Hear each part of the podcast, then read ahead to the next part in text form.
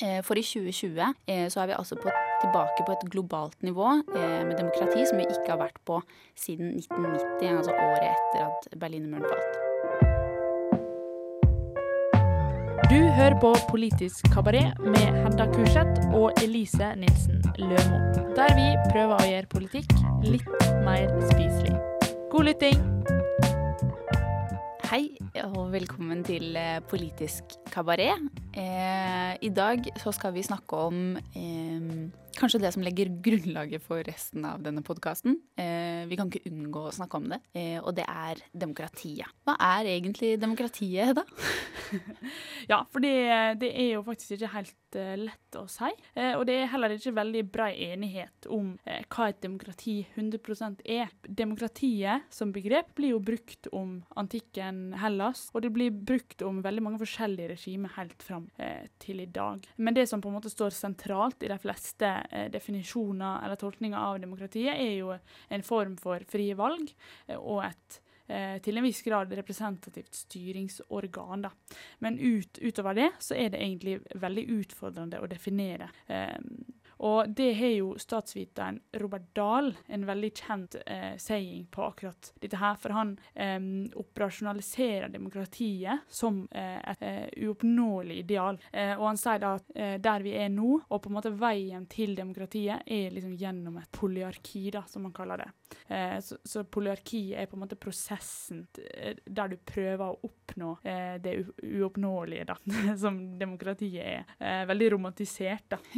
Men Eh, og veien dit er jo eh, gjennom på en måte eh, noe som i hvert fall i liberale Vesten ser på som liksom sånn grunnleggende prinsipp. Men sånn, det må, må være gjennom eh, universell stemmerett, frie og rettferdige valg, eh, beskyttelse av ytringsfriheten, eh, uavhengige informasjonskanaler, organisasjonsfrihet og lydhørhet. ikke sant? Og dette her med at du kan holde styresmaktene eh, ansvarlig. Eh, og det er jo disse institusjonene her som skiller poliarkiet da, eh, fra andre regimer. Det, veldig, det, er jo en veldig komplisert eh, definisjon, eh, det du valgte der. Da. Den fra Robert Dahl er jo den er veldig god, eh, og den går også hakket videre fra den her eh, styrt av folket for folket, eh, som er, veldig, er, en veldig enkel måte å definere demokrati på. Eh, men Robert Dahl sin definisjon er vel egentlig mer, mer representativ for det kompliserte eh, systemet som vi i dag kaller demokrati. Så hvordan har vi egentlig kommet fram til alle disse ulike eh, institusjonene og delene i demokratiet? Da? Hvordan har vi på en måte funnet ut at dette skal være med i konseptet? For det er jo egentlig en eh, relativt ny greie. Eh, om vi ser eh, bare tilbake til 1900, eh, eh, som er jo i, sånn historisk kontekst så er jo det ingenting, så er jo det ganske mange regimer som vi egentlig vil kalle demokrati, som ikke hadde vært demokrati i dag. Norge 1814, for eksempel. ja, for eksempel. Som vi feirer og feirer og feirer, men som, som, var på en måte ikke på langt nær et demokrati hadde vært i dag, da.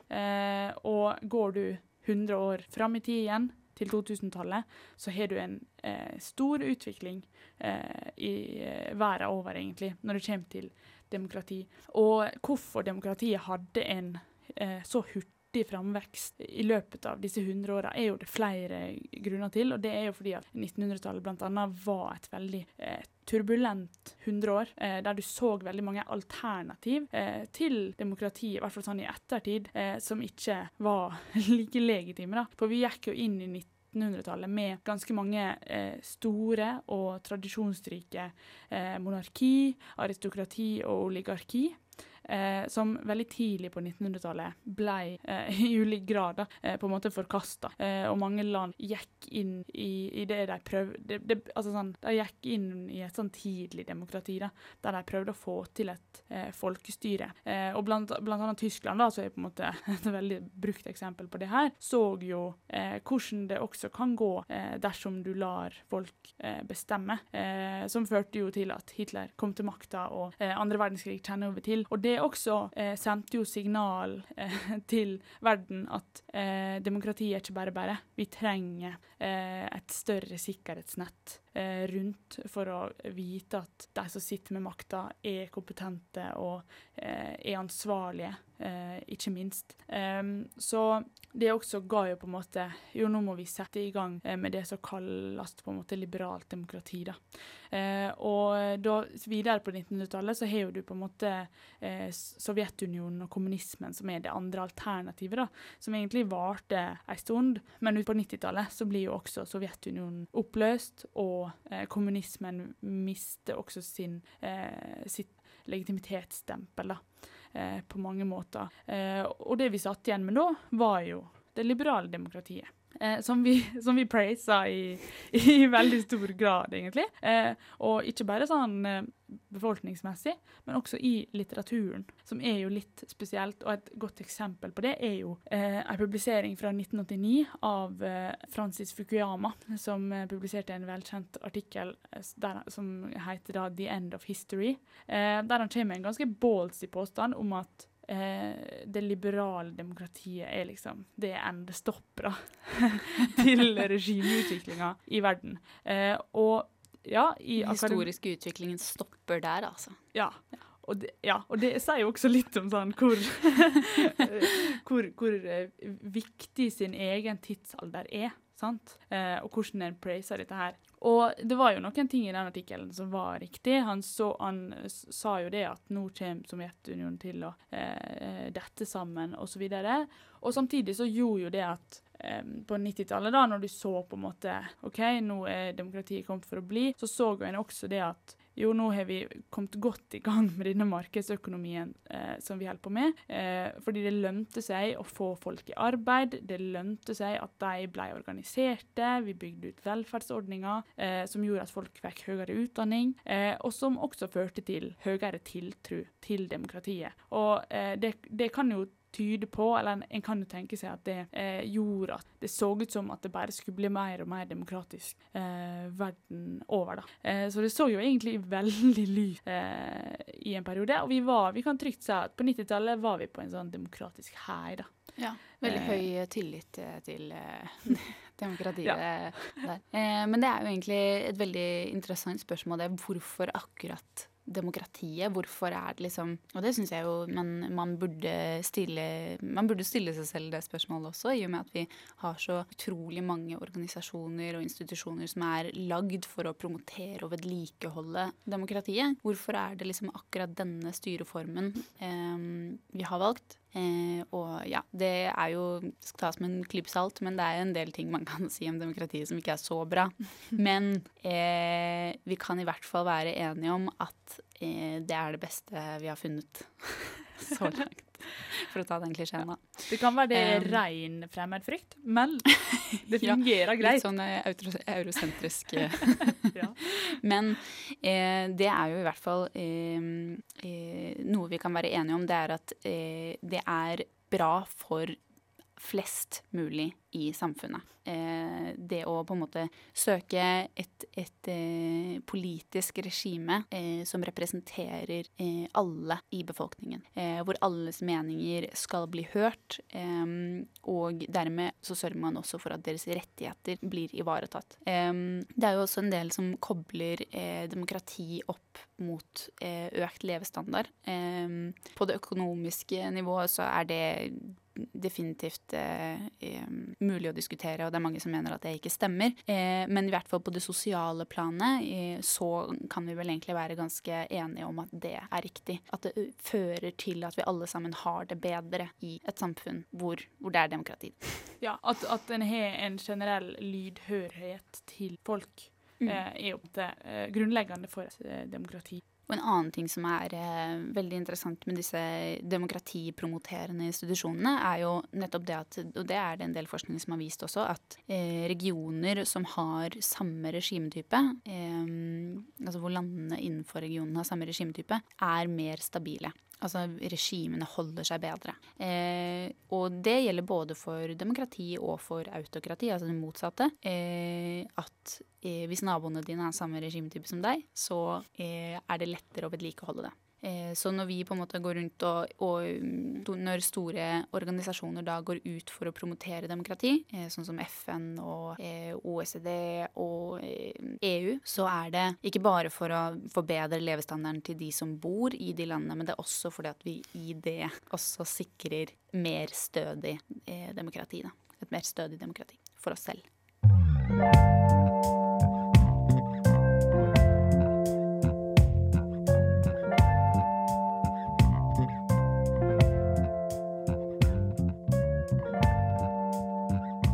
Vi snakka litt om hvor flott demokratiet er. Vi er i litt sånn 90-tallsstemning her. Eh, eh, vi liker demokratiet godt. Eh, og det så lenge veldig lyst ut for demokratiet. Men Elise, hvordan står det egentlig til?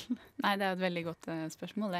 Vi, får, vi, ser jo eh, i økende grad eh, artikler eh, om hvordan det står til med demokratiet i verden, eh, og det ser ikke veldig lyst ut. Eh, det er litt panikk i den demokratiske campen, og det er det faktisk også grunn til. vi tenkte vi skulle se litt på en forskningsinstitusjon som vi som går sammenlignende politikk, er veldig glad i, som heter VDEM, altså Varieties of Democracies. Varieties of Democracies. Som da er et institutt basert i Göteborg, eh, og som sammen med altså over 3500 eksperter fra ulike land samler inn data om den demokratiske situasjonen i verden. Um, og dette er, altså Vi snakker enorme mengder data. Og for de som har lyst, er det bare å gå inn og sjekke statistikk og grafer og analyser. Um, men for de som er litt mindre interessert i det, så kan man også gå inn og sjekke um, deres uh, årlige rapport, uh, som da kommer ut og forteller litt om hvordan det står til. Ja. Veldig sånn spiselig, da. Veldig mm, fine veldig. bilder, ja. og det er fint oppsummert og sånn. Ja. Så det er flotte greier. Utrolig kul uh, greie. Og den som kom ut eh, nå sist, eh, som da handler om 2020, heter 'Autocratization Turns Viral'. Så, og her finner vi da definitivt støtte for at eh, demokratiet er på vei tilbake eh, i verden. Det er definitivt ikke den samme stemningen som det var da eh, Fukuyama skrev 'The End of History'. Um, det ser litt mørkere ut. Eh, for i 2020 så er vi altså på tilbake på et globalt nivå eh, med demokrati som vi ikke har vært på siden 1990, altså året etter at Berlinmuren falt. Og i dag, i dag eh, så er det altså 68% av verdens befolkning som lever i autokratier. Ja, og det er jo egentlig eh, Ja, det, det, kan jo se ut som en skummel utvikling. Det er det. Definitivt. Eh, nå skal det sies at den 68 er, eh, har blitt veldig høy siden 2019. Eh, og det er hovedsakelig fordi at India, altså verdens mest folkerike land, eh, ble et autokrati i 2020 med, under regjeringen til Modi. Eh, men det undergraver fortsatt ikke det faktum at 68% altså av verdens befolkning ikke lever i demokratier. Eh, men litt samme tendens ser du jo også i Vi snakka jo i stad om hvordan eh, du gjerne hermer litt etter nabolandene dine da, i demokratisk utvikling eller eh, ja, ja, uansett vei. Eh, men, og du ser jo de samme tendensene i ulik grad i vestlige land. Ja. Eh, du ser det i USA, som skal være verdens største demokrati, og du ser det i land som har på en måte eh, tunge tung tilknytning til EU, da, f.eks. Mm. i Øst-Europa spesielt. Ja, fordi en ting som kommer fram i denne rapporten, er jo det at eh, som du sier, den største tilbaketrekningen skjer jo i Øst-Asia, Sentral-Asia, Øst-Europa og Latin-Amerika, som har mindre historie eh, med demokratiet, de mindre konsoliderte demokratier. Eh, men noe som kanskje er enda mer skremmende, er jo nettopp det at det er en del konsoliderte demokratier som er på vei tilbake igjen. Eh, og det ser man jo gjerne på den, eh, de tallene de presenterer for det liberale demokratiet, som da er liksom det de regner som den høyeste eh, verdien av demokrati. Da.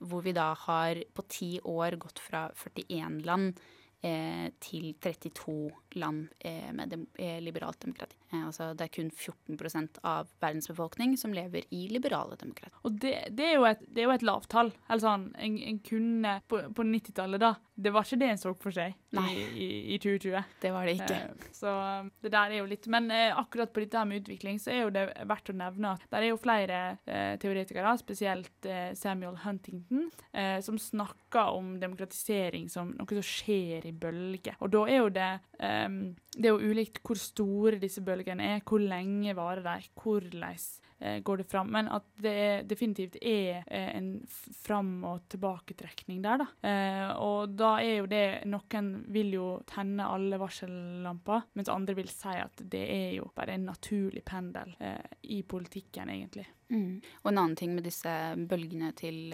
Huntington, er, som for så vidt eh, kan tyde på en positiv framtid, det er jo at eh, for hver bølge vi har hatt opp gjennom historien, så har den demokratiske bølgen etter en autokratibølge vært sterkere enn den forrige. Så for hver bølge enda flere demokratier det kan man jo tenke som er litt sånn positivt. ja, det er sant. Eh, samtidig så eh, skjer jo spesielt den bølga vi er i nå. Det er jo litt uh, Det er jo ikke helt enighet om uh, hvor, hvor, tid disse bølgene begynner og når de slutter, og sånn sett. men at det skjer jo på en annen måte nå. Eh, og det krever jo en annen respons fra mm. eh, verdensbefolkninga. Ting skjer mye mer eh, i, i, i, skyggen. da. Det er ikke militærkupp og, eh, og veldig tydelige diktatorer. Det skjer, eh, Autokratiseringa skjer i demokratiet.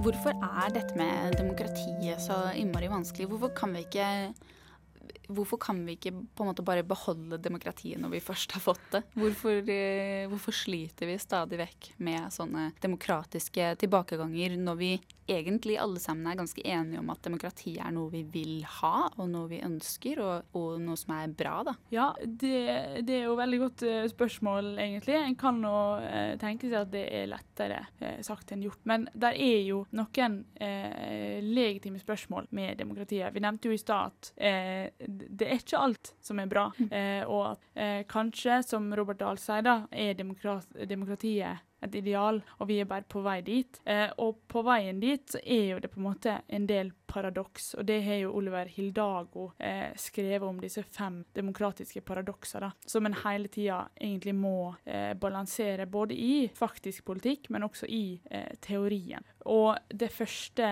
paradokset er jo at demokratiet skal være et folkestyre, men samtidig så vil jo du unngå at det er et anarki. Eh, så derfor så velger jo vi representanter eh, som skal representere oss. Um, og det er jo en balanse på hvor godt er makta fordelt, da. Uh, ja, uten at det blir alle mot alle. Um, fullt anarki. Fullt anarki. Um, og så har vi et annet uh, paradoks som går på dette her med kvalitet og uh, kvantitet. og det går jo på litt det samme, at flertallet skal bestemme, men, men hva gjør vi dersom flertallet ønsker uh, f.eks. å undergrave frihetsprinsipp, dersom flertallet ønsker ønsker eh, å fjerne f.eks. religionsfrihet eller ytringsfrihet, så får vi det en kaller på en måte flertallets tyranni. da. Um, og det er jo derfor at vi har institusjoner som skal på en måte sikre det her. Du har eh, f.eks. i Norge, og eh, i, i, andre land også, så har du dette her med eh, stemme til ulikt. Ja, ikke sant. Nettopp. At eh, en stemme som da kommer fra Oslo, ikke teller like mye som en stemme som kommer fra la oss si Finnmark. da. Nettopp fordi at flertallet bor i eh, altså sentrum, eh, på en måte, i Norge. Eh, og, men det betyr ikke at vi ikke skal prioritere og høre på eh, periferien. At distriktene skal være der da, og fortsette å være der. Da må de jo bli hørt. Og det er jo egentlig litt sånn ikke-demokratisk. Eller det er sånn ikke-demokratisk for å være demokratisk. Ja, og det, det, samme, altså, sånn, det, går jo også på dette her med utjevningsmandat. Det er jo mange som er imot det og mener at det eh, eh, Ja, og der, der, er vi inne på den balansegangen, da. Mm. Når er eh, makta på en måte fordelt nok uten å gå over i et sånt flertallstyranni, da. Og så har jo vi et eh, kanskje mer sånn kjent eh, paradoks som går på det her med frihet og likhet. Eh, for demokratiet som ideal skal jo på en måte garantere en viss frihet, eh, samtidig som at eh, du ønsker eh, likhet i, i samfunnet. Eh, men i seg sjøl så er jo dette her Eh, motstridende. Eh, for dersom alle er frie i like stor grad, og det, det, høres jo kanskje litt sånn Dette her er jo litt innlysende for mange, da, men dersom folk er frie i like stor grad, så er ikke folk like. Folk har ulike forutsetninger. Folk har ulike eh, Ja, og ikke bare på økonomi, men på kultur, religion, etnisitet, eh, språk osv. Og så er du et fjerde paradoks som går på det her med individet mot eh, kollektivet. Da. Fordi at der er jo eh, et paradoks eh, med å på en måte bevare individet sine friheter, eh, samtidig som at du vil bevare samfunnet og opprettholde samfunnets beste. Da. Det er jo korona et veldig godt eksempel på. Nå vil jo eh, du har jo hatt f.eks.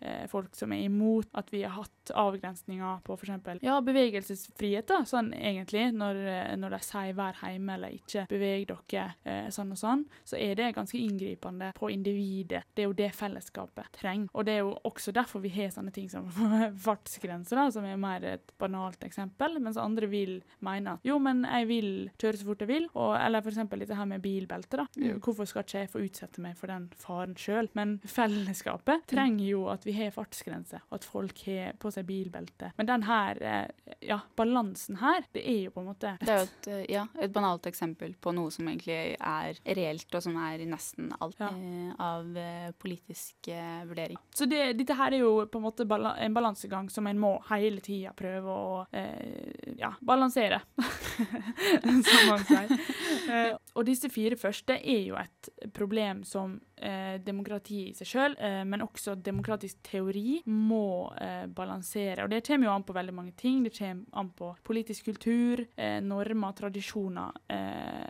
osv. Men det siste paradokset det går jo på det at selve definisjonen på demokratiet, og hva, eh, hva på en måte konnotasjonene til demokratiet er, det har variert over veldig lang tid. Eh, og derfor kommer ikke vi til altså sånn, Derfor er ikke det en enighet da, på hva demokratiet er, fordi du er kalt så veldig mye forskjellig for demokratisk, eh, eksempel. Og derfor kommer ikke vi til en universell definisjon, og vi kommer ikke, kommer ikke fram til noen universell løsning eh, eller en ideell balanse eh, på disse eh, paradokser. Mm. Og det er jo nettopp de som gjør det så vanskelig også, ikke bare liksom eh, å definere hva demokrati er. Men hvis vi ikke kan definere det, hvordan eh, kan vi da bevare det og vedlikeholde det? det er kanskje nettopp der det ligger, da. Og det er jo derfor også at kanskje det er legitimt å ha denne diskusjonen, da. Eh, at, at, og, og, det gjør det også vanskelig å liksom catcalle eh, andre demokrati. OK, dette er ikke demokratisk, eller eh, nå går du imot demokratiske prinsipp. det blir veldig utfordrende når du sjøl ikke kan si eh, hva som er demokratisk, og spesielt når det vi kalte demokrati i 1814 da ikke hadde vært det i dag, så, så, er jo det på en måte lov å gå litt fram og tilbake eh, på eh, Ja, i denne balansen, da.